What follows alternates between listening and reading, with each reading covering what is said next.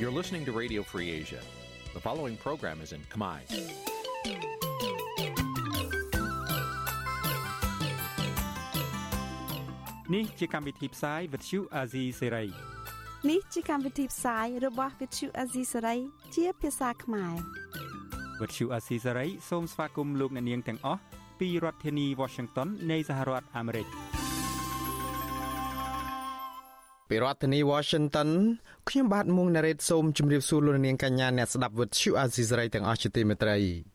យើងខ្ញុំសូមជូនកម្មវិធីផ្សាយសម្រាប់ព្រឹកថ្ងៃអង្គារ12រោចខែផលគុណឆ្នាំឆ្លូវត្រីស័កពុទ្ធសករាជ2565ត្រូវនឹងថ្ងៃទី29ខែមីនា គ្រិស្តសករាជ2022បាទជាដំបូងនេះសូមអញ្ជើញលោកនាងកញ្ញាស្ដាប់ព័ត៌មានប្រចាំថ្ងៃដែលមានមេត្តាដូចតទៅ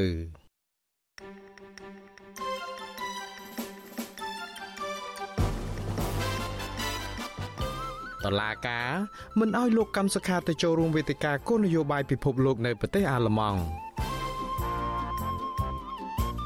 បរដ្ឋដែលមានចំនួនដីធ្លីនៅខេត្តកោះកុងចូលបំភ្លឺនៅក្រសួងមហាផ្ទៃករណីវិវាទដីធ្លីជាមួយនឹងមន្ត្រីនគរបាលកោចបបន្តលុបឈ្មោះបេក្ខជននិងបដិសេធការចុះបញ្ជីបេក្ខជនគណៈបកភ្លើងទៀន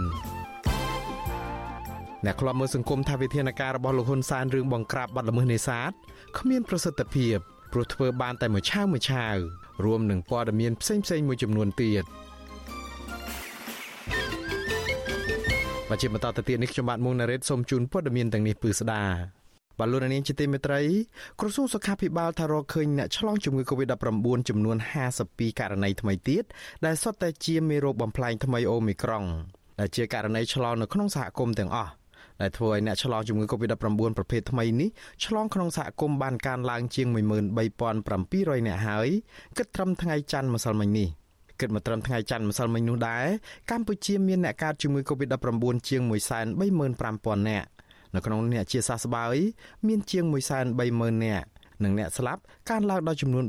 3054នាក់ ចំពោះការចាក់វ៉ាក់សាំងបង្ការជំងឺ Covid-19 វិញក្រសួងសុខាភិបាលប្រកាសថាគិតមកត្រឹមថ្ងៃទី28ខែមីនាម្សិលមិញនោះរដ្ឋាភិបាលបានចាក់ជូនប្រជាពលរដ្ឋដែលមានអាយុចាប់ពី3ឆ្នាំឡើងបានជាង14លាន8សែននាក់សម្រាប់ដូសទី1រីឯដូសទី2រដ្ឋាភិបាលចាក់បានជាង13លាន9សែននាក់ហើយនឹងដូសទី3និងដូសទី4រដ្ឋាភិបាលចាក់ជូនប្រជាពលរដ្ឋបានជាង9លាននាក់ បលូននាងជាទីមេត្រីនៅឯខេត្តកណ្ដាលឯនោះប្រជាពលរដ្ឋដែលរងផលប៉ះពាល់ដោយសារតែគម្រោងពលានយន្តហោះថ្មីនៅភូមិកំពង់តឡុងឃុំបឹងខ្យាងស្រុកកណ្ដាលស្ទឹងប្រមាណ100នាក់ប្រមូលផ្ដុំគ្នានៅខាងមុខសាលាខេត្តកណ្ដាលដើម្បីជំរុញឲ្យអាជ្ញាធរពន្លឿនដំណោះស្រាយវិវាទដីធ្លីជាមួយក្រុមហ៊ុន OCIC ដោយផ្ដាល់សំណងសមរម្យតាមតម្លៃទីផ្សារមន្ត្រីអង្គការសង្គមស៊ីវិលស្នើឲ្យអាជ្ញាធរនិងភាគីក្រុមហ៊ុនគិតគូរផ្ដាល់សំណងតាមគោលការណ៍ច្បាប់ ដើម្បីបញ្ចប់វិវាទដីធ្លីដែលអូសបន្លាយជាង4ឆ្នាំមកនេះប្រសើរជាងដាក់គំនាបប្រជាពលរដ្ឋទទួលយកតម្លៃតាមការកំណត់របស់ក្រុមហ៊ុនអ្នកស្រីសូជីវីរាយការណ៍ជំវិញព័ត៌មាននេះ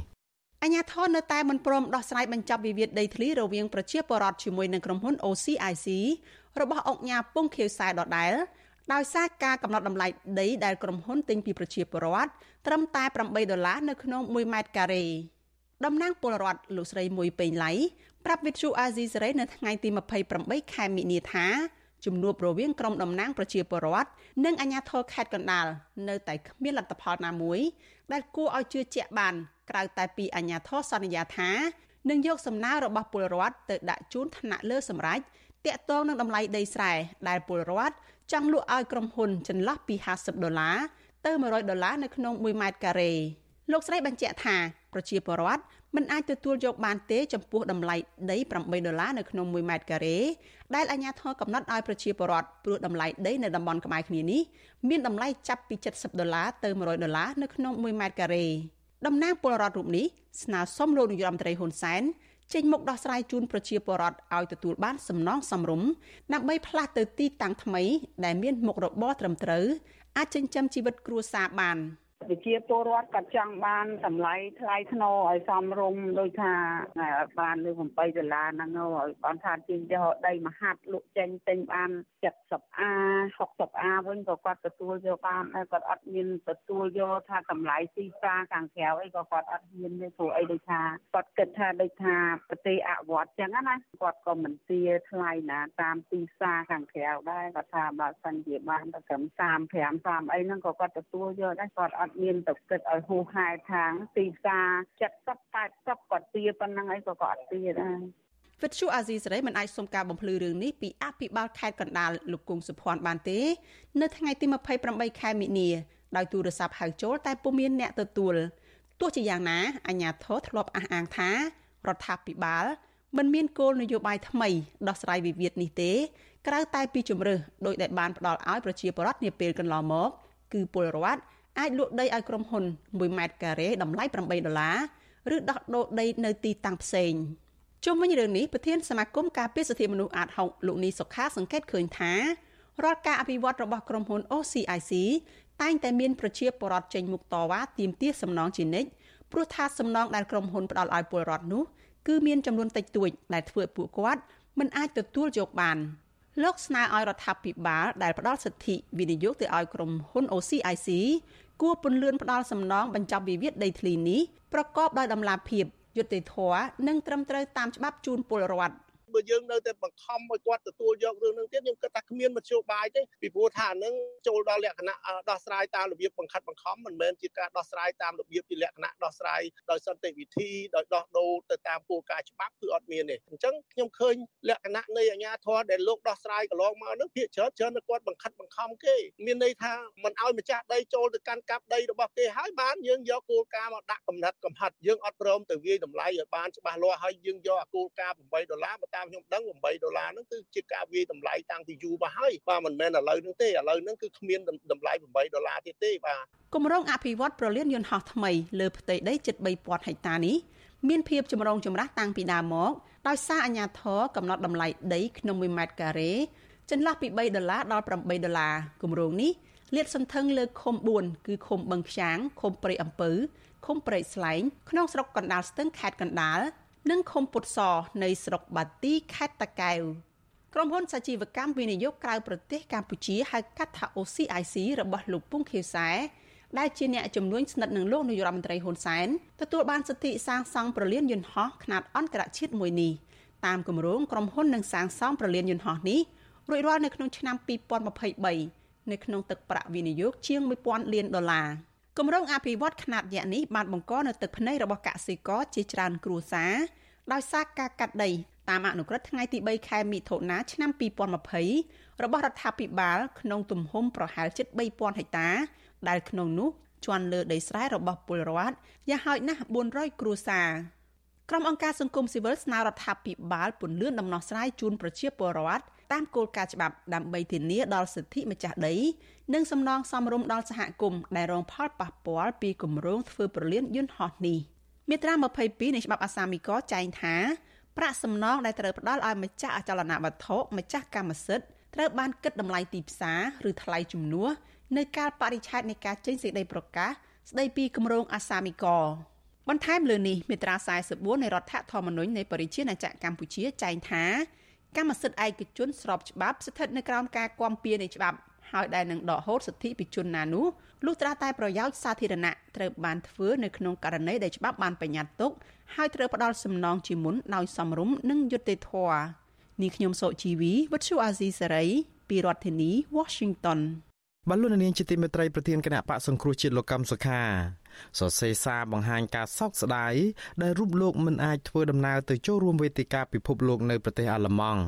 តាមកម្មវិធីដែលបានគ្រោងទុកដោយសារតែសិទ្ធិសេរីភាពរបស់លោកត្រូវបានហាមឃាត់ លោកត្រូវបានវេទិកាគោលនយោបាយពិភពលោក The World Policy Forum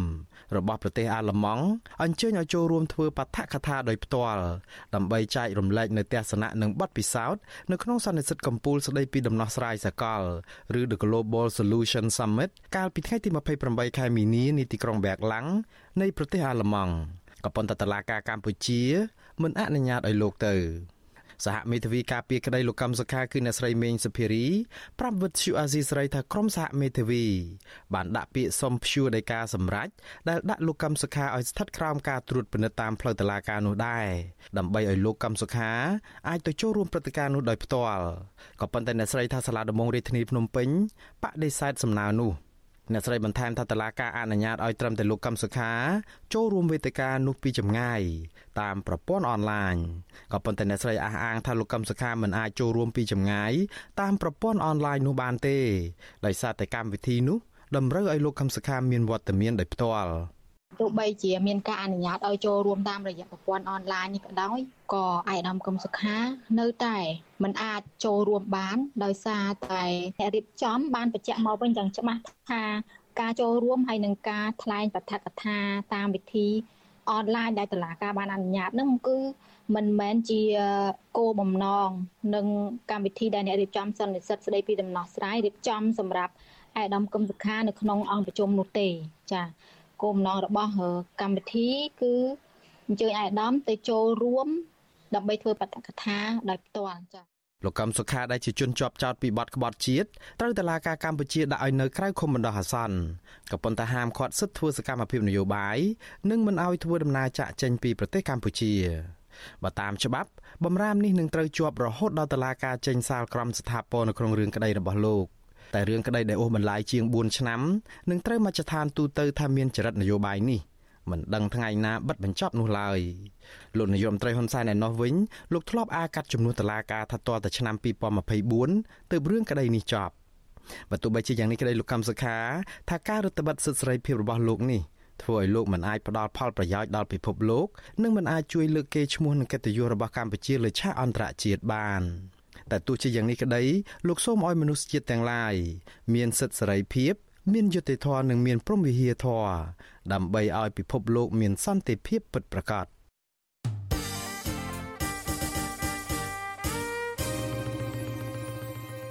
បានលុននាងជាទីមេត្រីអាជ្ញាធរក្រុងភ្នំពេញ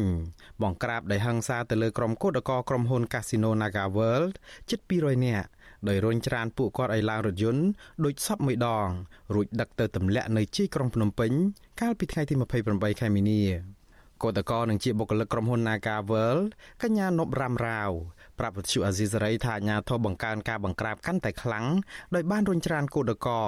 មូលក្តិចពួកគាត់ដោយបង្ខំឲ្យឡើងរថយន្តរួចដឹកទៅទម្លាក់នៅតំបន់ដាច់ស្រយាលនៅក្នុងខណ្ឌព្រែកភ្នៅ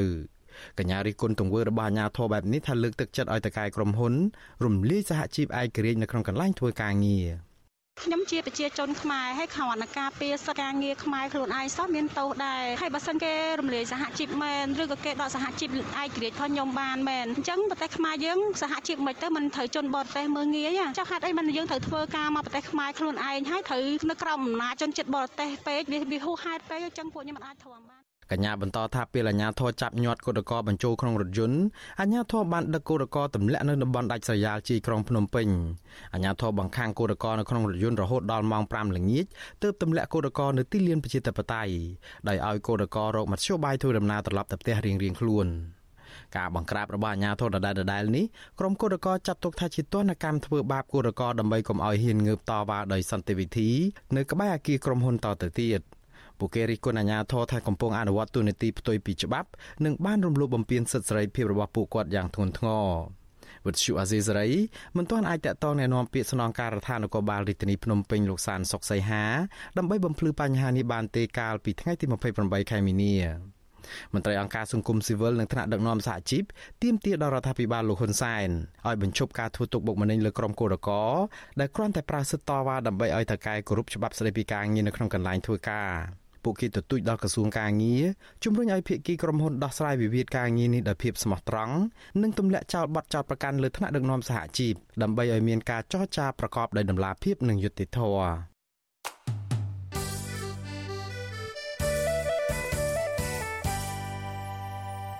បាទលោកនាងជាទីមេត្រីលោកនាងកំពុងតែស្ដាប់ការផ្សាយរបស់វិទ្យុអាស៊ីសេរីដែលផ្សាយចេញពីរដ្ឋធានី Washington សហរដ្ឋអាមេរិក។ លោកនាងក៏អាចស្ដាប់ការផ្សាយរបស់វិទ្យុអាស៊ីសេរីដំណើរគ្នាទៅនឹងការផ្សាយតាមបណ្ដាញសង្គម Facebook និង YouTube នេះតាមរយៈរលកធារកាសខ្លីឬក៏ Short Wave ពេលព្រឹកចាប់ពីម៉ោង5កន្លះដល់ម៉ោង6កន្លះតាមរយៈរលកធាតុអាកាសខ្លី9390 kHz ស្មើនឹងកម្ពស់ 32m និង11850 kHz ស្មើនឹងកម្ពស់ 25m ពេលយប់ចាប់ពីម៉ោង7កន្លះដល់ម៉ោង8កន្លះតាមរយៈរលកធាតុអាកាសខ្លី9390 kHz ស្មើនឹងកម្ពស់ 32m និង15155 kHz ស្មើនឹងកម្ពស់ 20m បាទសូមអរគុណបលូននាងជាទីមេត្រីមេធាវីការពីក្តីឲ្យកញ្ញាសេងធីរីនិងសកម្មជនបពប្រឆាំង3នាក់ដែលកំពុងតែជាប់ពន្ធនាគារចាត់ទុកវីដេអូឃ្លីប រូបភាពនិងឯកសារដែលមន្ត្រីនគរបាលនៃក្រសួងមហាផ្ទៃប្រមូលពីការបង្ហោះតាមបណ្ដាញសង្គម Facebook កន្លងទៅនោះហើយយកមកដាក់បង្ហាញនៅក្នុងសវនាការមិនមែនជាភ័ស្តុតាងសម្រាប់ដាក់បន្ទុកនៅក្នុងបទល្មើសដើម្បីចោទប្រកាន់កូនក្តីពីបទញុះញង់និងរួមគំនិតក្បត់នោះទេមេធាវីនឹងជន់ជាប់ចោតនៅតែយល់ថាសវនាការនេះតឡាការគ្មានភ័ស្តុតាងឬមមណាមួយនៅក្នុងការចោទប្រកាន់ដដែលលោកមានរិទ្ធមានសេចក្តីរាយការណ៍លម្អិតជំរឿននេះមុនពេលចូលបំភ្លឺនៅតុលាការក្រុងភ្នំពេញ អ្នកជំនាញផ្នែកច្បាប់និងវិជាសាស្ត្រនយោបាយអន្តរជាតិកញ្ញាសេងធីរីរួមជាមួយសកម្មជនសង្គមដែលទើបចេញពីពន្ធនាគារលោកស្រីសាទផានិងសកម្មជនដីធ្លីនៅតំបន់បឹងកក់ម្នាក់លោកស្រីង៉ែតខុនហៅយាយម៉ាមី បានស្រែកទាមទាររោគយុតិធធនៅមុខតុលាការក្រុងភ្នំពេញដើម្បីឲ្យស្ថាប័នមួយនេះដោះលែងអ្នកទោសនយោបាយនិងអ្នកទោសម្នាក់សេកាដោយឥតលក្ខខណ្ឌ ពួកគាត់ក៏អំពាវនាវដល់អាជ្ញាធរឲ្យបញ្ឈប់ការធ្វើទុកបុកម្នេញមកលើក្រុមកោតក្រកាស៊ីណូ Naga World ផងដែរ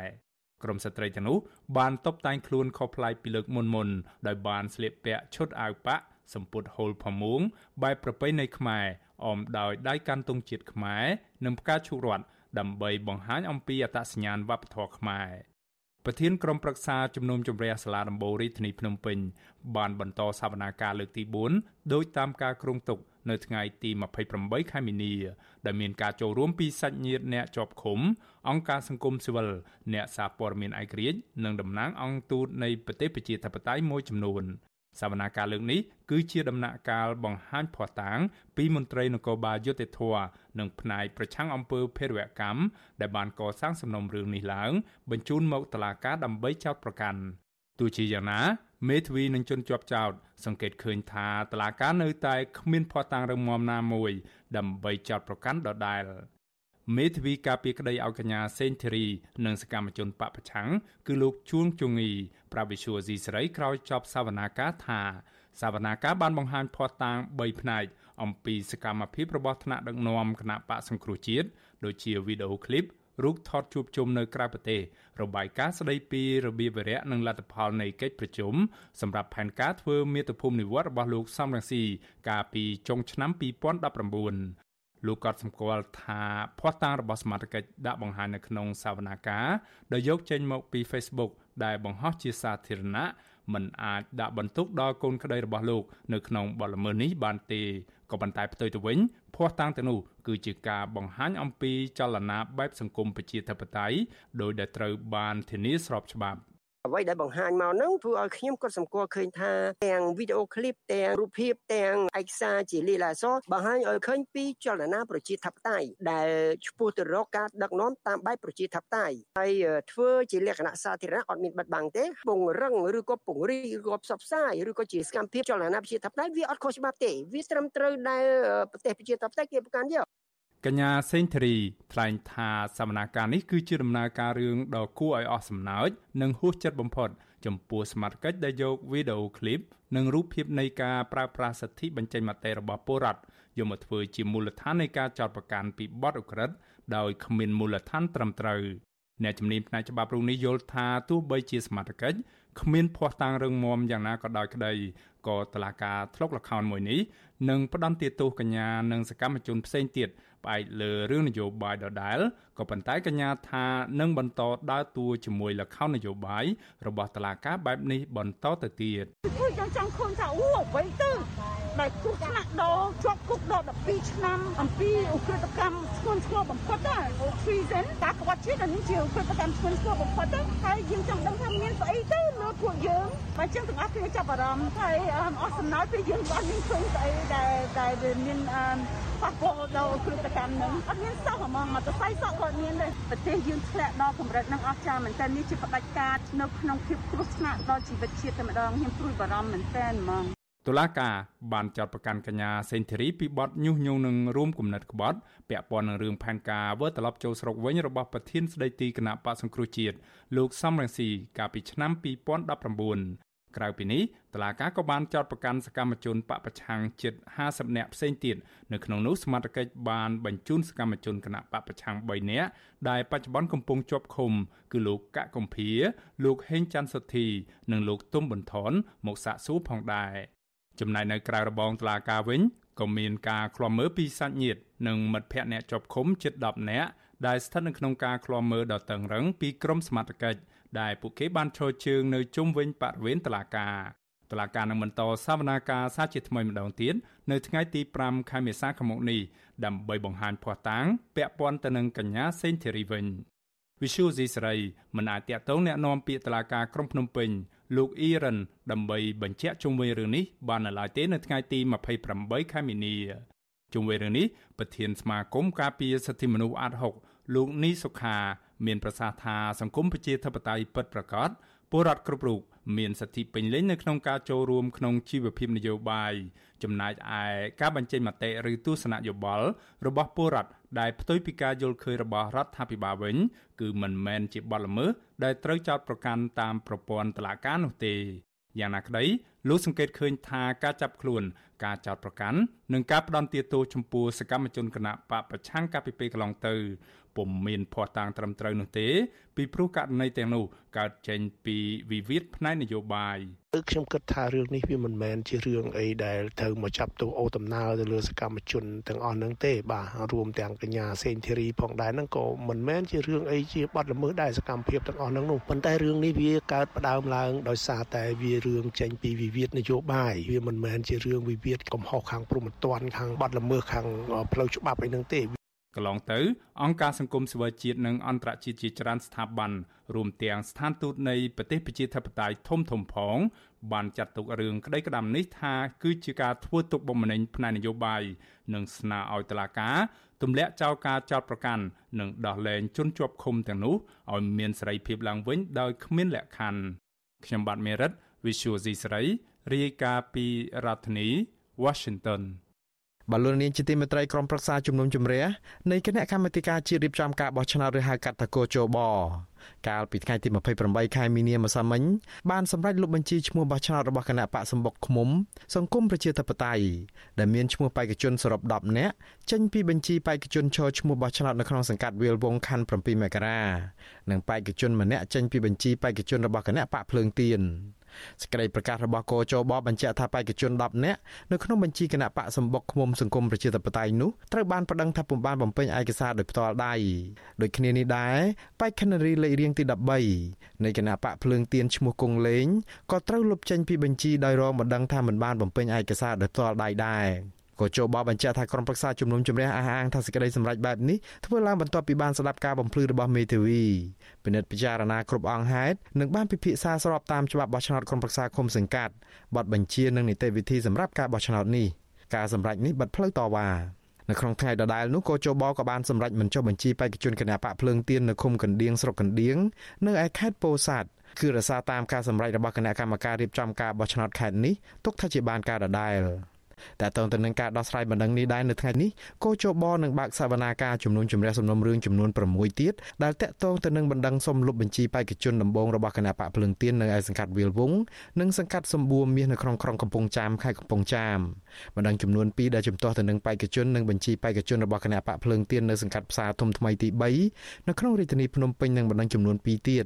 ដែលជំទាស់ទៅនឹងបេក្ខជននិងបញ្ជីបេក្ខជនគណៈបកឆន្ទៈខ្មែរនៅសង្កាត់ផ្សារធំថ្មីទី3ដែរ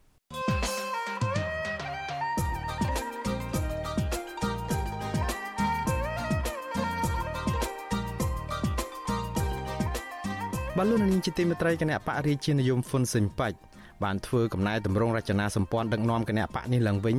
បន្ទាប់ពីសម្ដេចក្រមព្រះនរោត្តមរណរដ្ឋសោយទីវង្គតបត្រាច្បងរបស់សម្ដេចក្រមព្រះជាអ្នកដឹកនាំគណៈបកស្នងពីព្រះបិតាគឺសម្ដេចនរោត្តមចក្រវុឌ្ឍ តើគណៈបកហ៊ុនស៊ិនប៉ិចបានធ្វើកំណែតម្រង់ដោយម្ដេចខ្លះសម្រាប់ត្រៀមខ្លួនចូលរួមបោះឆ្នោតគុំសង្កាត់នៅពេលខាងមុខនេះ។លោកនាងនឹងបានស្ដាប់ការបកស្រាយទៅនឹងសំណួរទាំងនេះដោយផ្ទាល់នៅក្នុងវេទិកាអ្នកស្ដាប់វិទ្យុអាស៊ីសេរីនាយប់ថ្ងៃអង្គារនេះដែលសម្របសម្រួលដោយលោកជុនច័ន្ទបុតវាគ្មិនដែលនឹងចូលរួមនៅក្នុងកិច្ចពិភាក្សានេះគឺមន្ត្រីជាន់ខ្ពស់របស់គណៈបកហ្វុនស៊ីមប៉ិចលោកនាងអាចសួរវាគ្មិនរបស់យើងឬក៏បញ្ចេញមតិយោបល់ សូមដាក់លេខទូរស័ព្ទរបស់លោកនាងនៅក្នុងខ្ទង់ comment Facebook ឬ YouTube របស់វិទ្យុអាស៊ីសេរីក្រុមការងាររបស់វិទ្យុអាស៊ីសេរីនឹងហៅទៅលោកនាងវិញសូមអរគុណ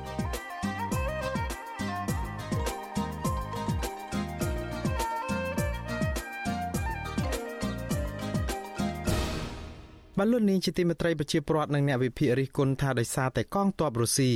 កំពុងតែបាក់ស្រុតកម្លាំងនៅក្នុងការច្បាំងលុកលុយប្រទេសអ៊ុយក្រែនទើបធ្វើឲ្យលោកនាយរដ្ឋមន្ត្រីហ៊ុនសែនមិនហ៊ានប្រកាសឲ្យប្រជាពលរដ្ឋខ្មែរទៅជួយប្រទេសមួយនេះប្រតិកម្មនេះធ្វើឡើងក្រោយពីលោកហ៊ុនសែនប្រកាសហាម5ជាថ្មីទៀតលើប្រជាពលរដ្ឋខ្មែរដែលមានបំណងទៅធ្វើទាហានជួយអ៊ុយក្រែនប្រឆាំងនឹងការឈ្លានពានរបស់រុស្ស៊ី ប្រជាពលរដ្ឋនិងអ្នកវិភាគលើកឡើងថាលោកនាយរដ្ឋមន្ត្រីហ៊ុនសែនកំពុងតែភ័យខ្លាចពីទំនាក់ទំនងកាន់តែល្អកកជាមួយនឹងអតីតចៅហ្វាយនេះរបស់ខ្លួនគឺប្រធានាធិបតីរុស្ស៊ីគឺលោកវ្លាឌីមៀពូទីនទើបលោកមិនហ៊ាននិយាយលើកទឹកចិត្តឲ្យប្រជាពលរដ្ឋខ្មែរនាំគ្នាទៅធ្វើទាហានជួយច្បាំងប្រទេសអ៊ុយក្រែន អតីតអ្នកទោសមនសិការលោកកើតសារាយប្រាប់វិទ្យុអាស៊ីសេរីនៅថ្ងៃទី28ខែមីនាថាបើទោះបីជាកម្ពុជាបានចូលរួមបោះឆ្នោតថ្កោលទោសចំពោះការឈ្លានពានរបស់រុស្ស៊ីយ៉ាងណាក្តីក៏លោកហ៊ុនសែននៅតែមានចិត្តខ្លាចរអាខ្លាចប៉ះពាល់ដល់ទំនាក់ទំនងការទូតជាមួយមេដឹកនាំផ្ដាច់ការលោកវ្លាឌីមៀពូទីនដែរលោកបន្តថាបរដ្ឋាភិបាលហាម5ប្រជាពលរដ្ឋខ្មែរមិនឲ្យទៅជួយប្រដ្ឋអ៊ុយក្រែន កម្ពុជាគួរបង្កើតច្បាប់ស្តីពីការហាមឃាត់ប្រជាពលរដ្ឋកុំឲ្យទៅជួយច្បាំងជាមួយបរទេសនេះ។ ដូច្នេះសបញ្ជាក់មកវិញធ្វើឲ្យមើលឃើញថាស្រុកខ្មែរហ្នឹងគឺច្បាប់នៅក្នុងមាត់ចាប់ផ្ដើមយើងទៅរស់នៅដូចកាលពីអតីតកាលឥឡូវដូចគ្នានាយករដ្ឋមន្ត្រីទៅស្រែកវ៉ាស់បានមន្ត្រីអនុវត្តច្បាប់ហ្នឹងនាំគ្នាប្រឹងអនុវត្តទៅអានេះវាឆ្លុះបញ្ចាំងពីសង្គមយើងថាគឺអត់មានប្រសិទ្ធភាពនៅក្នុងការអនុវត្តធ្វើឲ្យព័ន្ធនីតិរដ្ឋនៅក្នុងប្រទេសហ្នឹងមានប្រសិទ្ធភាពនៅក្នុងការអភិវឌ្ឍទៅលើវិស័យផ្សេងផ្សេងនៅក្នុងប្រទេសរបស់យើងជាពិសេសប្រព័ន្ធយុតិធម៌ហ្នឹងគឺសឹងតែធ្លាក់សូន្យតែម្ដងនៅកម្ពុជាប្រជាពលរដ្ឋម្នាក់ទៀតនៅឯខេត្តកោះកុងលោកស្រីផាវញើងថ្លែងថាបើប្រជាពលរដ្ឋណាមានឆន្ទៈចង់ជួយប្រទេសអ៊ុយក្រែនគឺជាសិទ្ធិពួកគាត់ហើយក៏មិនទាន់មានច្បាប់ណាមួយហាមឃាត់បែបនេះនោះដែរលោកស្រីយល់ថាការដែលមានប្រជាពលរដ្ឋហ៊ានប្រថុយជីវិត នៅក្នុងការទៅជួយប្រជាពលរដ្ឋអ៊ុយក្រែនច្បាំងការឈ្លានពានរបស់រុស្ស៊ីនោះ គឺជាចរន្តលទ្ធិប្រជាធិបតេយ្យក្នុងការប្រមូលផ្ដុំកម្លាំងដើម្បីទប់ទល់ទៅនឹងការឈ្លានពានរបស់មេដឹកនាំផ្ដាច់ការរបស់ប្រទេសរុស្ស៊ីតែប៉ុណ្ណោះ។ វាជាជីវិតផ្ទាល់ខ្លួនរបស់គាត់ហើយគាត់មានឆន្ទៈឲ្យគាត់គួរតែមានសេរីភាពក្នុងការគិតឬក៏រឿងបុគ្គលរបស់គាត់បានពួកខ្ញុំខ្ញុំខ្ញុំស្រឡាញ់សិទ្ធិជាធិបតេយ្យខ្ញុំក៏ស្រឡាញ់អ៊ុយក្រែនដែរមិនចង់ឃើញអ៊ុយក្រែនរងការបាញ់សម្លាប់ពីរុស្ស៊ីចឹងទេយើងយើងចង់ឃើញសិទ្ធិជាធិបតេយ្យមួយនៅក្នុងអ៊ុយក្រែនហើយចង់ឃើញប្រទេសនៅលើលោកនេះធំធំដើម្បីជួយដល់អ៊ុយក្រែន បដកម្មរបស់ប្រជាពលរដ្ឋនេះធ្វើឡើងក្រោយពីលោកនាយរដ្ឋមន្ត្រីហ៊ុនសែនប្រកាសជាថ្មីទៀតដោយហាម5មិនអោយប្រជាពលរដ្ឋណាស្ម័គ្រចិត្តទៅជួយច្បាំងប្រជាពលរដ្ឋអ៊ុយក្រែន យើងជាប្រទេសដែលធ្លាប់គេឆ្លៀតពៀនអញ្ចឹងយើងក៏ងឹកគិតទៅដល់ប្រទេសដែលត្រូវគេឆ្លៀតពៀនប៉ុន្តែខ្ញុំនៅតែនិយាយដដែលយើងមិនអនុញ្ញាតឲ្យពលរដ្ឋកម្ពុជាណាមួយទៅធ្វើទាហានស្ម័គ្រចិត្តនៅប្រទេសអ៊ុយក្រែនដោយប្រទេសមួយចំនួនបដ ாய் ពលរដ្ឋរបស់ខ្លួនឲ្យទៅប្រទេសអ៊ុយក្រែននោះទេយើងអត់ទេយើងជាប្រទេសក្រីក្រមួយនៅឆ្ងាយណាស់តែយើងបានបង្ហាញសមានចិត្តរបស់យើងជាមួយនឹងប្រជាពលរដ្ឋអ៊ុយក្រែនដែលកំពុងភៀសខ្លួនរាប់លានអ្នកនៅខាងក្រៅនិងកំពុងភះខ្លួនភេសឹកនៅរាប់រាប់លានអ្នកនៅកក្រោលោកហ៊ុនសែនថ្លែងបែបនេះនៅក្នុងពិធីសម្ពោធមន្ទីរពេទ្យអង្គឌួងនៅថ្ងៃទី28ខែមីនានៅក្នុងរាជធានីភ្នំពេញនេះមិនមែនជាលើកទី1ទេដែលលោកហ៊ុនសែនថ្លែងសារបែបនេះ ក្រោយពីមានសង្គ្រាមរុស្ស៊ីឈ្លានពានប្រទេសអ៊ុយក្រែនមកលោកហ៊ុនសែនតែងតែប្រកាសជាបន្តបន្ទាប់ដល់ប្រជាពលរដ្ឋខ្មែរមិនឲ្យជួយច្បាំងអ៊ុយក្រែននោះឡើយដោយលោកលើកហេតុផលថាជីវភាពប្រជាពលរដ្ឋកម្ពុជានៅមានកម្រិតលើសពីនេះលោកហ៊ុនសែនក៏ធ្លាប់ចំអកថាអ្នកដែលចង់ទៅជួយអ៊ុយក្រែននៅក្នុងអំឡុងពេលមានសង្គ្រាមនេះគឺគ្រាន់តែចង់បានសញ្ជាតិអ៊ុយក្រែនតែប៉ុណ្ណោះនឹងថាបើគេបាញ់នឹងនាំគ្នារត់ប្រះអាយុ ក៏ប៉ុន្តែការលើកឡើងរបស់មេដឹកនាំរដ្ឋាភិបាលឯកបៈរូបនេះបានរងការរិះគន់ថាលោកហ៊ុនសែនកំពុងតែមើលងាយប្រជាពលរដ្ឋខ្លួន ដែលធ្លាប់មានបទពិសោធន៍ដែលឆ្លងកាត់ភ្នក់ភ្លើងសង្គ្រាមនាពេលកន្លងមកមតិរិះគន់ភាកច្រើនថាប្រជាពលរដ្ឋមានសិទ្ធិចាប់កាន់អាវុធជួយសង្គ្រោះមនុស្សជាតិពេលដែលមានអាសន្នពីការបាញ់ប្រហារពីកងទ័ពរុស្ស៊ីឈ្លានពានបែបនេះផ្ទុយពីការហាម5របស់មេដឹកនាំកម្ពុជា មានអតីតកងទ័ព និងទាហានចូលនិវត្តន៍និងប្រជាពលរដ្ឋស៊ីវិលនៃបណ្ដាប្រទេសនៅតំបន់អាស៊ីអាគ្នេយ៍និងប្រទេសលោកសេរីធំធំដូចជាសហរដ្ឋអាមេរិកនិងកាណាដាបានចេញមកស្ម័គ្រចិត្តចូលធ្វើទាហានប្រឆាំងនឹងរុស្ស៊ីមកដល់ពេលនេះអ៊ុយក្រែនទទួលបានពលរដ្ឋបរទេសស្ម័គ្រចិត្តជាង20000នាក់ដើម្បីជួយច្បាំងបណ្ដេញទ័ពរុស្ស៊ីដែលចូលឈ្លានពានទឹកដីប្រទេសអ៊ុយក្រែននោះ ចំណែកឯអ្នកវិភាគនយោបាយដែលកំពុងរស់នៅឯប្រទេសហ្វាំងឡង់លោកកឹមសុកឯណោះវិញលោកមានប្រសាសន៍ថាបើលោកហ៊ុនសែនហ៊ានលើកទឹកចិត្តឲ្យប្រជាពលរដ្ឋស្ម័គ្រចិត្តទៅជួយច្បាំងអ៊ុយក្រែននោះអតីតចៅហ្វាយនេះរបស់លោកហ៊ុនសែនគឺលោកវ្លាឌីមៀពូទីននឹងខឹងសម្បាកាន់តែខ្លាំងលោកបន្តថាក្រោយពីកម្ពុជាចូលរួមបោះឆ្នោតជាមួយនឹងប្រទេស140នៅអង្គការសហប្រជាជាតិថ្កោលទោសរុស្ស៊ីមកដល់ពេលនេះ លោកហ៊ុនសែនក៏ទំនងនៅតែមានភាពតានតឹងជាមួយដៃគូយុទ្ធសាស្ត្ររុស្ស៊ីនិងជាមិត្តដៃថែបរបស់លោកគឺប្រទេសចិននៅឡើយ។ រុស្ស៊ីពូទីនគឺជាចៅហ្វាយចាស់របស់ក្រុមលោកហ៊ុនសែនហើយគឺជាមិត្តយល់ចិត្តបំផុតក្នុងសម័យថ្មីនេះដូច្នេះក្នុងពេលដែលកងទ័ពរុស្ស៊ីពូទីនកំពុងតែបាក់ស្រុតកម្លាំងយ៉ាងខ្លាំងហើយក៏កំពុងតែរៀបក្បួនដកថយក្នុងសញ្ញាចាញ់សង្គ្រាមលោកហ៊ុនសែនមិនហ៊ានលើកទឹកចិត្តអ្នកទាំងឡាយណាដែលទៅចង់ច្បាំងជួយអ៊ុយក្រែនហើយប្រឆាំងនឹងរុស្ស៊ីពូទីនទេ ស្របពេលដែលលោកហ៊ុនសែនរៀបរៀងមិនអោយប្រជាពលរដ្ឋខ្មែរស្ម័គ្រចិត្តទៅជួយច្បាំងនៅអ៊ុយក្រែននេះប្រជាពលរដ្ឋខ្មែរនៅឯក្រៅប្រទេសឯណោះបន្តចូលរួមសកម្មភាពតវ៉ាឲ្យរុស្ស៊ីដកទ័ពចេញពីអ៊ុយក្រែននិងរៃអង្គាសថវិកាតាមលទ្ធភាពដើម្បីជួយដល់ប្រជាពលរដ្ឋអ៊ុយក្រែន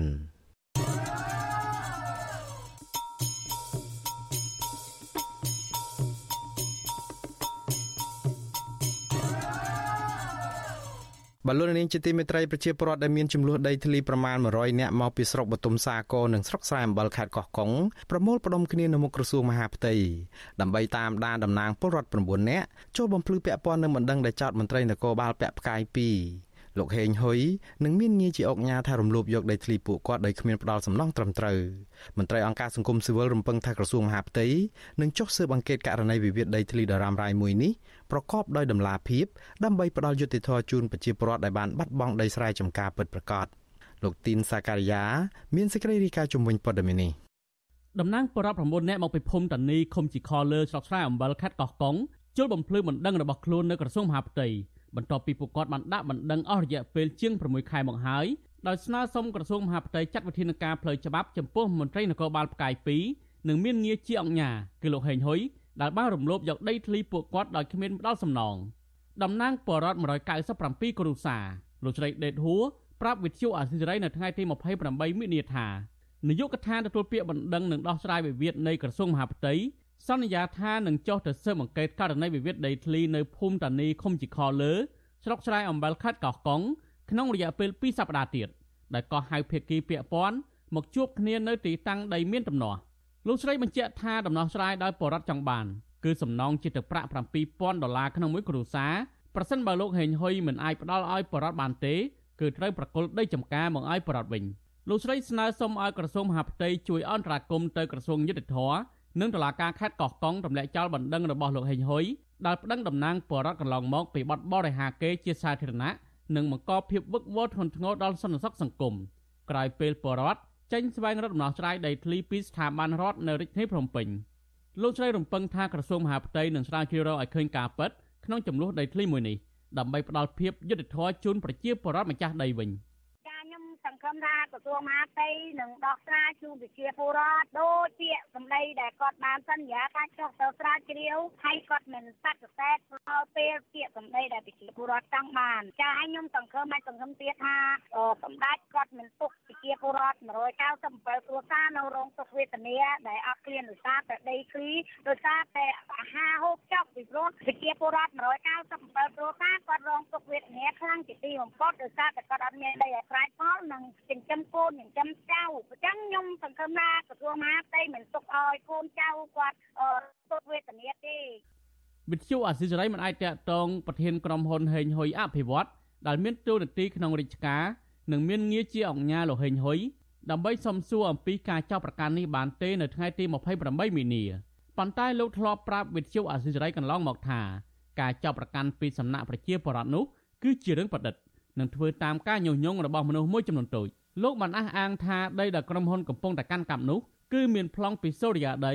និងបានកម្មសិទ្ធិត្រឹមត្រូវតាមច្បាប់ជុំវិញនឹងរឿងនេះអ្នកសម្រិទ្ធសម្រួលនៃអង្គការសិទ្ធិមនុស្សលីកាដូប្រចាំខេត្តកោះកុងលោកហូអ៊ីនមានប្រសាសន៍ថាវិវាទដីធ្លីមួយនេះមានចំណុចងឿងឆ្ងល់ត្រង់ការវិវត្តពីដីសម្បត្តិសេដ្ឋកិច្ចដែលរដ្ឋាភិបាលផ្ដល់ឲ្យក្រុមហ៊ុនហេងហ៊ុយអភិវឌ្ឍនៅឆ្នាំ2007 បែរក្លាយទៅជាដីមានប្លង់កម្មសិទ្ធិនៅឆ្នាំ2019ទៅវិញមន្ត្រីសង្គមស៊ីវិលរូបនេះស្នើសុំដល់ក្រសួងមហាផ្ទៃចុះស៊ើបអង្កេតនិងពិនិត្យមើលលិខិតស្នាមកាន់កាប់ដីធ្លីរបស់ក្រុមហ៊ុននេះឡើងវិញប្រកបដោយតម្លាភាពនិងដោះស្រាយបញ្ចប់រឿងនេះជូនប្រជាពលរដ្ឋ ចឹងដើម្បីបង្ហាញអំពីភាពយុត្តិធម៌សម្រាប់ក្រមប្រជាពលរដ្ឋ197គ្រួសារហ្នឹងក៏ដូចជាភាគីផ្សេងផ្សេងជាងអញ្ចឹងក្រសួងគួរតែធ្វើសកម្មស៊ើបអង្កេតដោយតម្លាភាពកុំគិតថាអូមកខាងទៀតជាមន្ត្រីរាជគោបាលបើមិនជាមានការស៊ើបអង្កេតស្វែងរកការពិតទៅវាប៉ះពាល់ដល់កិត្តិយសក្នុងសំណុំពរថាការស៊ើបអង្កេតត្រូវប្រកបដោយតម្លាភាពទៅបើសិនជាប្រជាពលរដ្ឋមិនបានយកដីទេមិនមានដីពិតប្រាកដទេក៏បង្ហាញបើសិនជាលោកហេងហួយហ្នឹងបានយកដីប្រជាពលរដ្ឋហ្នឹងក៏បង្ហាញឲ្យបានច្បាស់លាស់ទៅដើម្បីផ្ដល់យុត្តិធម៌ដល់ប្រជាពលរដ្ឋក៏ដូចជាភាគីផ្សេងផ្សេងទៀតកាលពីដើមខែកក្កដាឆ្នាំ2019ក្រសួងរៀបចំដែនដីនគររូបនីយកម្មនិងសំណង់អះអាងថាពលរដ្ឋចំនួន197គ្រួសារមិនមានជាប់ពាក់ព័ន្ធនឹងករណីវិវាទដីសម្បត្តិដាំដំណាំអំពៅផលិតស្ករសនាំចេញក្នុងភូមិសាស្ត្រខេត្តកោះកុងនេះទេក្រសួងរៀបចំដែនដីក៏ប្រមានចាត់វិធានការតាមផ្លូវច្បាប់ចំពោះក្រុមប្រជាពលរដ្ឋចំនួន197គ្រួសារ ប្រសិនបើមានការប្រមូលផ្ដុំគ្នាតវ៉ាស្វែងរកដំណោះស្រាយនៅមុខក្រសួងសាជាថ្មីទៀតស្របពេលនេះនោះរដ្ឋបាលខេត្តកោះកុងក៏ចេញលិខិតមួយបដិសេធសំណើរបស់ពលរដ្ឋដែលសុំកាត់ជ្រឿលដីទំហំ421ហិកតា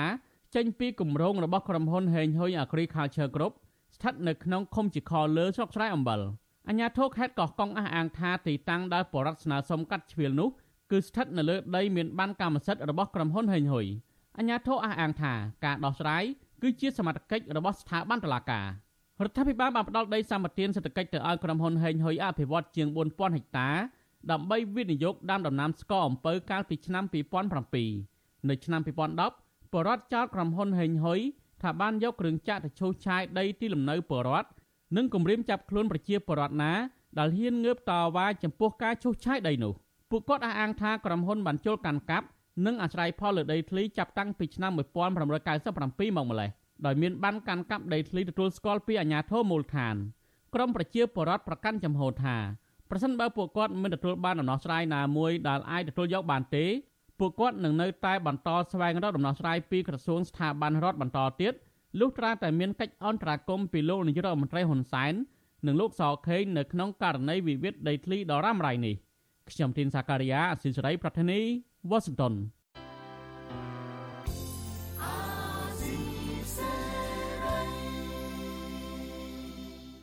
បាទលោកនាងជាទីមេត្រីលោកនាងកំពុងតែស្ដាប់ការផ្សាយរបស់វិទ្យុអាស៊ីសេរីដែលផ្សាយចេញពីរដ្ឋធានី Washington សហរដ្ឋអាមេរិក។លោកនាងក៏អាចស្ដាប់ការផ្សាយរបស់វិទ្យុអាស៊ីសេរីដំណើរគ្នាទៅនឹងការផ្សាយតាមបណ្ដាញសង្គម Facebook និង YouTube នេះ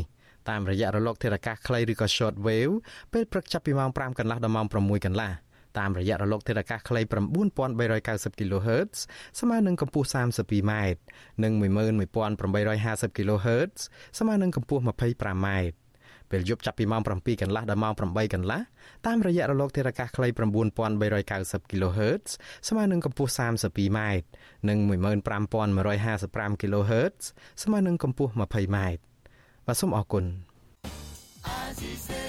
បាទលោកនាងជាទីមេត្រីនៅឯខេត្តបាត់ដំបងឯណោះ ប្រជាសហគមន៍នេសាទនៅតំបន់បឹងទន្លេសាបនៅក្នុងខេត្តនេះសង្កេតឃើញថាអាជ្ញាធរអនុវត្តច្បាប់នេសាទខ្វះតម្លាភាពនិងធូររលុងច្រើនចំពោះបុគ្គលដែលមានលុយមានអំណាចនិងអាជ្ញាធរដែលចូលរួមប្រព្រឹត្តអំពើពុករលួយពួកគេអះអាងថាបទបញ្ជារបស់លោកនាយរដ្ឋមន្ត្រីហ៊ុនសែននឹងសាបដូចទឹកទន្លេ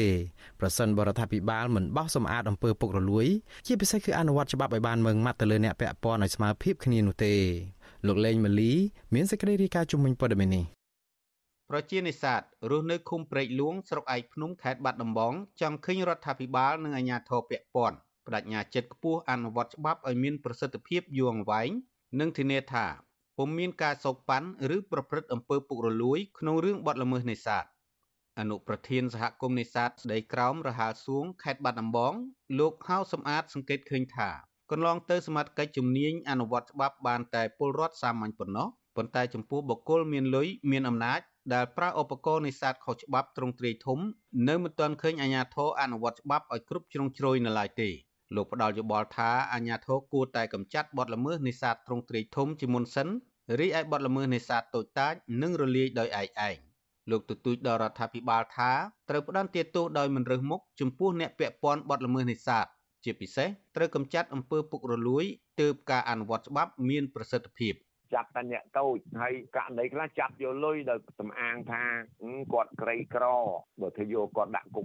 ធ្វើឲ្យគ្រួសារគាត់ពិបាកសំខាន់មែនទេសំខាន់ដាក់វិធានការផ្ដន់ទាទោសអ្នកធំគុំចាប់ទៅយកទៅគ្រាន់ថាបងផាកពីនៃទោសទៅទៅដាក់គុកបញ្ជូនទៅដាក់គុកក៏ដោយហើយព្រោះយើងផ្សព្វផ្សាយរួចហើយដាក់វិធានការដាក់ទោសអញ្ចឹងទៅប្រជាសហគមន៍នេសាទរូបនេះសង្កេតឃើញថាឧបករណ៍នេសាទទ្រង់ទ្រាយធំមានតម្លៃរាប់ម៉ឺនដុល្លារ ដែលអ្នកមានឥទ្ធិពលប្រើប្រាស់ដើម្បីចាប់ត្រីទាំងតូចទាំងធំរួមមានឧបករណ៍នរាវ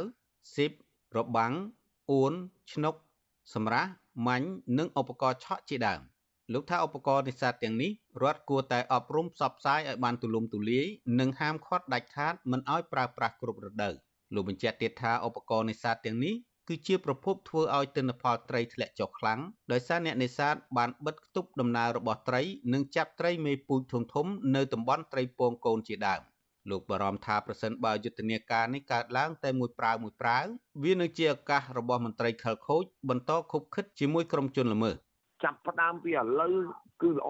សំខាន់បំផុតសម្រាប់ខ្ញុំបង្ក្រាបហត់ ជាងបង្ក្រាបហ្នឹងអានោះវាកើតហើយប៉ុន្តែគួរតែមានវិធានការទប់ស្កាត់មានន័យថាធ្វើការផ្សព្វផ្សាយ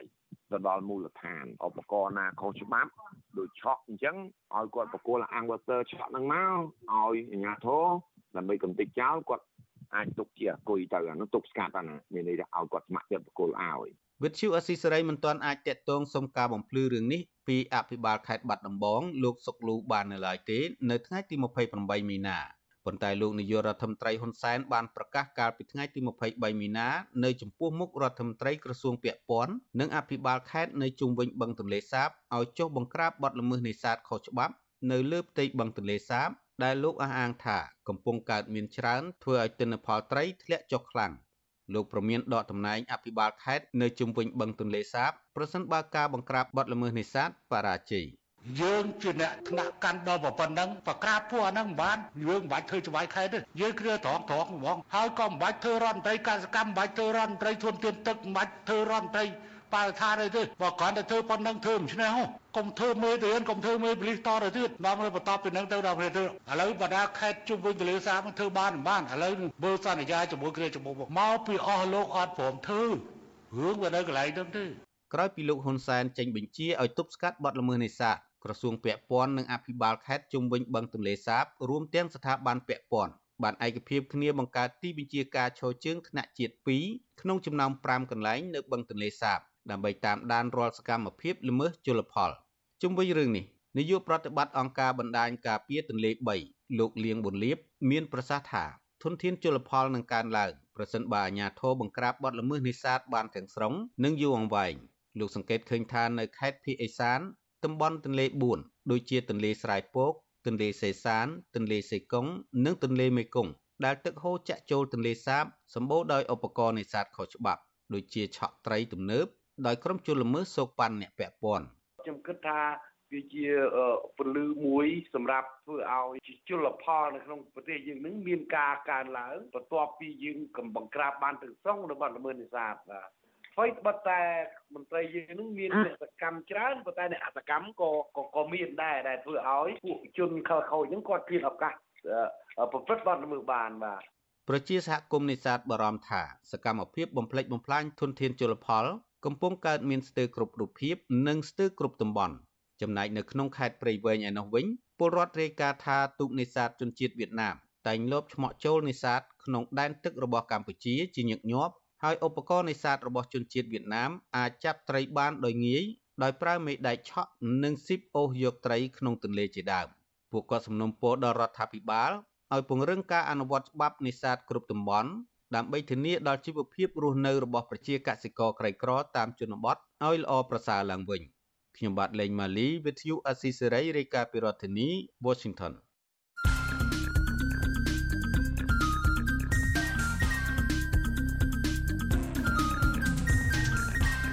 បទសំភារ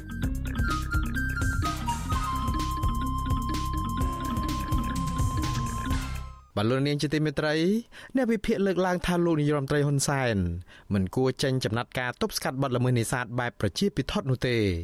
អ្នកខ្លាំមើលផ្នែកការអភិវឌ្ឍសង្គមលោកបណ្ឌិតសេងសេរីបញ្ជាក់ថារដ្ឋាភិបាលគួរតែចេញវិធានការអនុវត្តច្បាប់ឲ្យបានម៉ឺងម៉ាត់ជាប់លាប់នឹងតាមដានការអនុវត្តវិធានការដែលដាក់ចេញទាំងនោះ ទើបអាចបង្ក្រាបបទល្មើសនេសាទមានប្រសិទ្ធភាព និងធានានិរន្តរភាពយូរអង្វែងបាន។សូមលោកនាងស្ដាប់បទសម្ភាសន៍រវាងលោកទីនសាការីយ៉ានិងលោកបណ្ឌិតសេងសេរី អំពីបញ្ហានេះដូចតទៅបាទខ្ញុំសូមងាកទៅលោកបណ្ឌិតសេងសេរីតែម្ដងទៅតើលោកបណ្ឌិតមើលឃើញបែបណាចំពោះវិធានការរបស់រដ្ឋាភិបាលឬក៏អាជ្ញាធរពាក់ព័ន្ធចំពោះការបង្ក្រាបបទល្មើសនេសាទនៅក្រៅពីមានការបញ្ជាពីលោកហ៊ុនសែននេះបាទ មុននឹងខ្ញុំឆ្លើយទៅលើអ្វីដែលជាវិធានការរបស់រដ្ឋាភិបាលខ្ញុំចង់ផ្ដល់នៅទិន្នន័យមួយចំនួន ដែលមានសារៈសំខាន់សម្រាប់បងប្អូនអ្នកស្ដាប់ ទី1យើងឃើញថាកម្ពុជាជាប្រទេសដែលមានលំដាប់ថ្នាក់ទី4នៅក្នុងពិភពលោកដែលមានផលនេសាទជាពិសេសត្រីទឹកសាបនោះច្រើនជាងគេហើយយើងចាញ់តែចិនឥណ្ឌាហើយនិងបង់ក្លាដេសទេ អានឹងអានឹងទី1ទី2ប្រជាជនខ្មែរជាប្រជាជនដែលចូលចិត្តពិសាឬក៏ហូបត្រីស្រស់ហ្នឹងជាងគេនៅក្នុងពិភពលោកបើយើងមើលទិន្នន័យជារួមទូទាំងប្រទេសយើងឃើញថាប្រជាជនខ្មែរក្នុងមួយឆ្នាំម្នាក់ ហូបត្រីប្រមាណជា38ទៅ40គីឡូក្នុងមួយឆ្នាំម្នាក់ប៉ុន្តែបើយើងពិនិត្យមើលពលរដ្ឋនៅជុំវិញបឹងទន្លេសាប នៅតាមដងទន្លេផ្សេងផ្សេងហ្នឹងគឺពលរដ្ឋទាំងនោះហ្នឹងគាត់ហូបត្រីប្រមាណជា70គីឡូក្នុងមួយឆ្នាំអញ្ចឹងមានន័យថាពលរដ្ឋកម្ពុជាហ្នឹងជាពលរដ្ឋដែលចូលចិត្តហូបត្រីច្រើនជាងគេនៅក្នុងពិភពលោក ហើយបើយើងមើល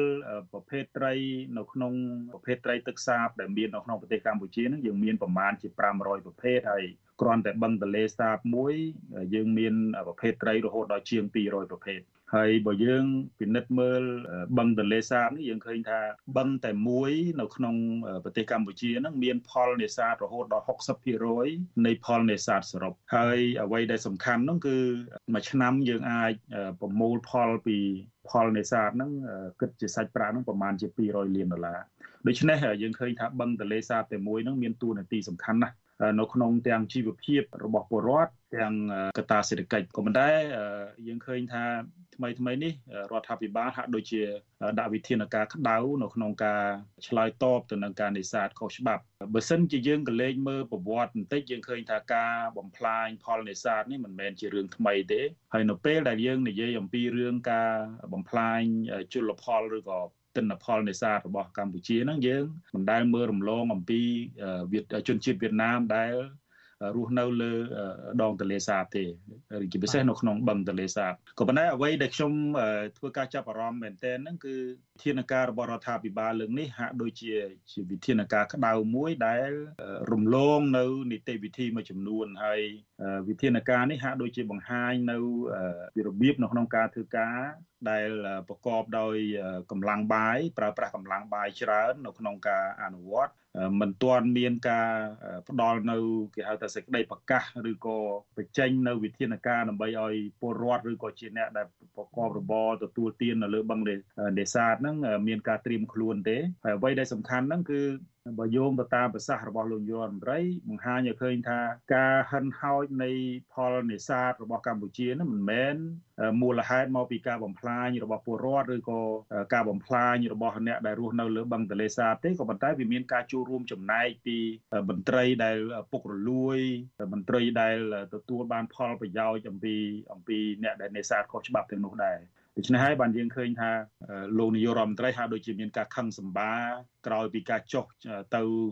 នៃប្រធានរាជបណ្ឌិតសភានឹងហាក់ដូចជាយកទិន្នន័យនៃឬក៏យកផល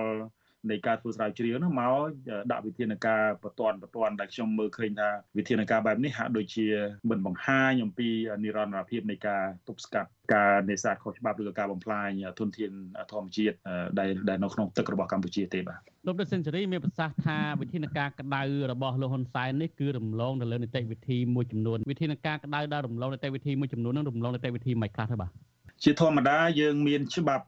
ជលផលដែលជាច្បាប់គោលហើយនៅក្នុងច្បាប់នោះបានបញ្ជាក់ច្បាស់ថាកាតព្វកិច្ចដែលទទួលខុសត្រូវទៅលើការការពារធនធានជលផលហ្នឹងគឺជាការទទួលខុសត្រូវរបស់ក្រសួងកសិកម្មយើងទទួលស្គាល់ហើយថាការគ្រប់គ្រងធនធានជលផលនេះវាត្រូវតែមានការសហការពីអាជ្ញាធរគ្រប់លំដាប់ថ្នាក់ហើយក៏ប៉ុន្តែយើងឃើញថាអំឡុងពេលដែលនីតិវិធីនឹងការអនុវត្តច្បាប់ហ្នឹងវាមានការធូររលុងវាមានអំពើពុករលួយខ្លាំងនៅក្នុងហ្នឹងហើយអ្វីដែលសំខាន់ហ្នឹងគឺប្រមាណជាការបំផ្លាញធនធានជលផលហ្នឹងវាកើតឡើងប្រហែលជា40ឆ្នាំទៅហើយទិន្នន័យនឹងវាធ្លាក់ចុះជារៀងរាល់ឆ្នាំទៅហើយក៏ប៉ុន្តែដោយសារតែការអនុវត្តច្បាប់បើយើងនិយាយពីច្បាប់នេសាទហ្នឹងយើងមានប៉ុន្តែការអនុវត្តច្បាប់មិនមិនពេញលេញបង្កប់នៅអំពើពុករលួយក្នុងហ្នឹងហើយជាពិសេសហ្នឹងគឺការបន្សាបអធិបុលរបស់សហគមន៍នេសាទឬក៏សហគមន៍ដែលនៅ ដែលនៅជុំវិញបឹងទន្លេសាបនឹងធម្មតាប្រសិទ្ធភាពសំខាន់ណាស់អានឹងមានមានការស្រាវជ្រាវច្រើនពាក់ព័ន្ធទៅនឹងបញ្ហាហ្នឹងយើងឃើញថាទួនាទីរបស់សហគមន៍នេសាទនៅជុំវិញបឹងទន្លេសាបហ្នឹងសំខាន់ក៏ប៉ុន្តែយើងឃើញថាទួនាទីរបស់ពួកគាត់ហ្នឹងត្រូវបានអាជ្ញាធរមិនសូវជាផ្ដល់ឲ្យតម្លៃឲ្យហើយសិទ្ធិនៅក្នុងការការពារធនធានធម្មជាតិហ្នឹងហាក់ដូចជាតិចតួចជាពិសេសបាទជាពិសេសនៅពេលដែលប្រឈមជាមួយនឹងអាជ្ញាធរ ដូច្នេះហើយអ្វីដែលសំខាន់យើងអបអរសាទរនៅពេលដែលរដ្ឋាភិបាលចាប់ផ្ដើមគិតគូរអំពីការការពារធនធានមច្ឆជាតិទោះការការអភិរក្សការការពារនេះវាវាអត់មានពេលវាអត់ហួសពេលទេក៏ប៉ុន្តែអ្វីដែលសំខាន់សំណួរនៅសួរថាតើវាមាននិរន្តរភាពប៉ុណ្ណាឬក៏គ្រាន់តែលោកនាយករដ្ឋមន្ត្រីប្រតិកម្មភ្លាមឃើញមន្ត្រីពាក់ព័ន្ធនឹងធ្វើការហាក់ដូចជាប្រឹងប្រែងហើយបន្ទាប់មកទៀតក៏ឈប់ធ្វើទៀតទៅហើយការបំផ្លាញនៅតែបន្តអានេះអ្វីដែលជាសំខាន់ហ្នឹងគឺយើងសំណួរថាតើវាមាននិរន្តរភាពប៉ុណ្ណានៅក្នុងការការពារហើយខ្ញុំខ្ញុំជឿថាមានតែការអនុវត្តច្បាប់ឲ្យបានត្រឹមត្រូវហើយនឹងតឹងរឹងទេដែលអាចមានប្រសិទ្ធភាពហើយនឹងមាននិរន្តរភាពជាជាងការធ្វើការឆ្លើយតបទៅនឹងឬក៏ធ្វើការដើម្បីឆ្លើយទៅនឹងប្រតិកម្មរបស់លោកនាយករដ្ឋមន្ត្រីបាទ មួយវិញទៀតការដែលចេញវិធានការក្តៅរបស់រដ្ឋាភិបាលនៅពេលនេះតើវាយឺតពេលទេនៅក្នុងការទប់ស្កាត់បទល្មើសនេសាទនេះបាទសម្រាប់ខ្ញុំខ្ញុំគិតថាមិនយឺតពេលទេបើយើងជឿលើទ្រឹស្ដីថាកម្ពុជាជាដែនដីសវណ្ណភូមិខ្ញុំគិតថា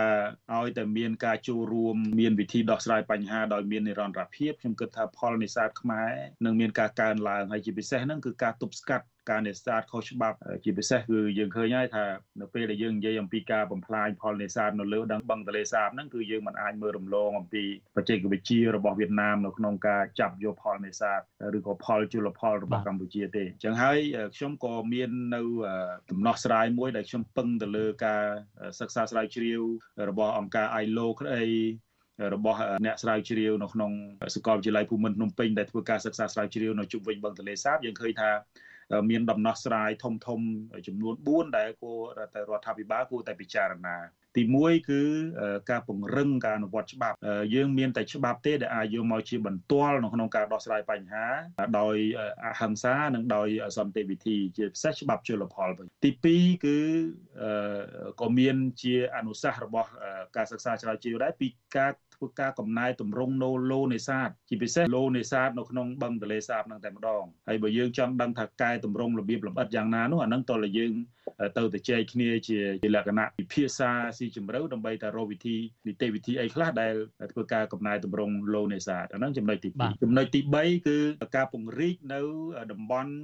នេសាទជាលក្ខណៈគ្រួសារយើងដឹងថាអ្នកដែលពឹងផ្អែកទៅលើផលនេសាទជុំវិញបឹងទន្លេសាបនេះគឺជាពិសេសពលរដ្ឋនៅជុំវិញបឹងទន្លេសាបនេះមានប្រមាណជាជាង60%ទៅហើយដែលពឹងទៅលើជលផលឬក៏ពឹងទៅលើផលនេសាទនោះដូច្នេះហើយបើសិនជាក្នុងករណីយើងមើលមិនបានគ្រប់ជ្រុងជ្រោយវាអាចនឹងប៉ះពាល់ទៅដល់ជីវភាពរបស់ពលរដ្ឋនៅជុំវិញបឹងទន្លេសាប ជាពិសេសពលរដ្ឋក្រីក្រដែលនៅជុំវិញបឹងទន្លេសាបអានឹងចំណុចទី3ចំណុចទី4គឺការផ្ដល់សិទ្ធិពេញលេញនៅក្នុងការអភិរក្សផលនេសាទឬក៏អភិរក្សគេហៅថាសត្វទឹកដែលនៅជុំវិញបឹងទន្លេសាបហ្នឹងជាពិសេសតំបន់អភិរក្សតំបន់ត្រីពងផ្សេងផ្សេងហ្នឹងត្រូវតែផ្ដល់សិទ្ធិពេញលេញទៅដល់សហគមន៍កន្លងមកនេះយើងឃើញថា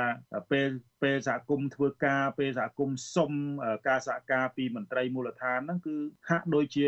ទៅសុំភ្លើងយក្សអញ្ចឹង ចឹងហើយនៅពេលដែលយើងផ្ដល់សិទ្ធិពេញលេញដល់សហគមន៍នៅក្នុងការដោះស្រាយបញ្ហាឬក៏ការអភិរក្សធនធានធម្មជាតិនៅជុំវិញបឹងទន្លេសាបអានឹងក៏ជាយុទ្ធសាស្ត្រមួយសំខាន់ដែរហើយតួនាទីរបស់សហគមន៍នេះសំខាន់ណាស់ការចូលរួមពីសហគមន៍នេះសំខាន់ណាស់នៅក្នុងការការពារធនធានធម្មជាតិជាពិសេសទុនធាននេសាទហ្នឹងព្រោះគាត់នៅក្នុងមូលដ្ឋានគាត់ដឹងថាអ្នកណាជាជាអ្នកនេសាទខុសច្បាប់អ្នកណាជាអ្នកនេសាទដើម្បីជីវភាពអ្នកខ្លះ អ្នកណាជាជាអ្នកនេសាទដើម្បីបំផ្លាញដូច្នេះហើយមានតែអ្នកមូលដ្ឋានឬសហគមន៍មូលដ្ឋានជំនាញបឹងទន្លេសាបហ្នឹងហើយដែលដែលគាត់មានគាត់មានទិន្នន័យច្បាស់លាស់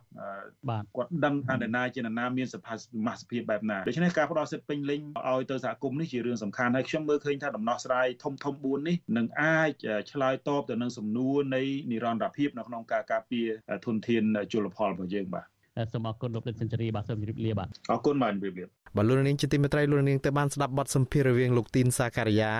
និងលោកបដិទ្ធសេងសេរីជុំវិញបទបញ្ជាបង្ក្រាបបទល្មើសនេសាទរបស់លោកនាយរដ្ឋមន្ត្រីហ៊ុនសែនដែលអ្នកសង្កេតការសង្ស័យថាអាចមិនមានប្រសិទ្ធភាពដោយបទបញ្ជាបង្ក្រាបបទល្មើសព្រៃឈើដែរ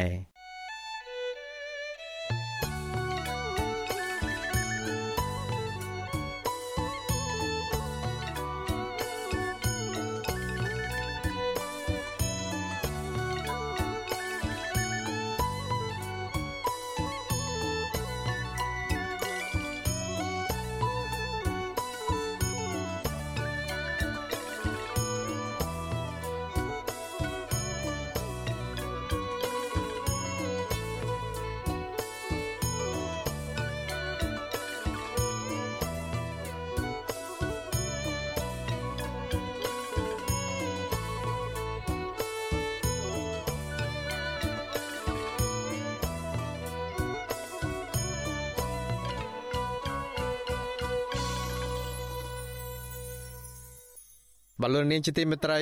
20ឆ្នាំក្រោយពីអំពើវាយប្រហារដោយគ្រាប់បែកកាលពីថ្ងៃទី30ខែមីនាឆ្នាំ1997នោះគ្មានឡើយយុត្តិធម៌សម្រាប់ជនរងគ្រោះនៅកម្ពុជាគ្មានជនល្មើសណាម្នាក់ត្រូវបានអាជ្ញាធរកម្ពុជាចាប់ខ្លួនយកមកផ្ដន្ទាទោសនៅឡើយទេក៏ប៉ុន្តែដោយការបង្គាប់ឲ្យចាប់ខ្លួនមេកងអង្គរៈលោកហ៊ុនសែនគឺលោកហ៊ីងប៊ុនហៀងនិងលោកហ៊ុយពិសិដ្ឋ ចេញដោយតឡាការបារាំងនារយៈពេលចុងក្រោយនេះអាចជារបត់ថ្មីមួយ ស្របពេលដែលអង្គការឃ្លាំមើលសិទ្ធិមនុស្សអន្តរជាតិ Human Rights Watch កំពុងតែជំរុញទៅរដ្ឋាភិបាលបារាំងសហភាពអឺរ៉ុបនិងប៉ូលីសអន្តរជាតិឲ្យចេញនិវេតក្រហមចាប់ខ្លួនបុគ្គលកម្ពុជាទាំងពីររូបនេះជាអន្តរជាតិតើសំណុំរឿងគប់ក្របបែកកាលពី25ឆ្នាំមុនលើក្រុមបាតកោនេះអាចមានជាប់ពាក់ព័ន្ធទៅនឹងលោកនាយរដ្ឋមន្ត្រីហ៊ុនសែនដែរឬទេតើមេកងអង្គរៈលោកហ៊ុនសែនឆ្លើយតបយ៉ាងណាជាមួយនឹងការចាប់ខ្លួននេះ សូមលោកនាងរងចាំស្ដាប់សេចក្តីរាយការណ៍ជាវីដេអូរបស់វិទ្យុអាស៊ីសេរីដែលយើងនឹងចាក់ផ្សាយនៅក្នុងកម្មវិធីផ្សាយនាយប់ថ្ងៃទី29ខែមីនានេះកំបីខាន បាទសូមអរគុណ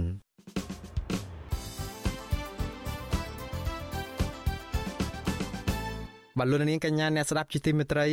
ការផ្សាយរយៈពេល1ម៉ោងជាភាសាខ្មែររបស់វិទ្យុអាស៊ីសេរីនៅពេលនេះចប់តែប៉ុណ្ណេះយើងខ្ញុំសូមជូនពរដល់លោកនាងព្រមទាំងក្រុមគ្រួសារទាំងអស់ ឲ្យជួបប្រកបតែនឹងសេចក្តីសុខចម្រើនរុងរឿងកំបីគ្លៀងគ្លាតឡើយខ្ញុំបាទមុងណារ៉េតព្រមទាំងក្រុមការងារទាំងអស់នៃវិទ្យុអាស៊ីសេរីសូមអរគុណនិងសូមជម្រាបលា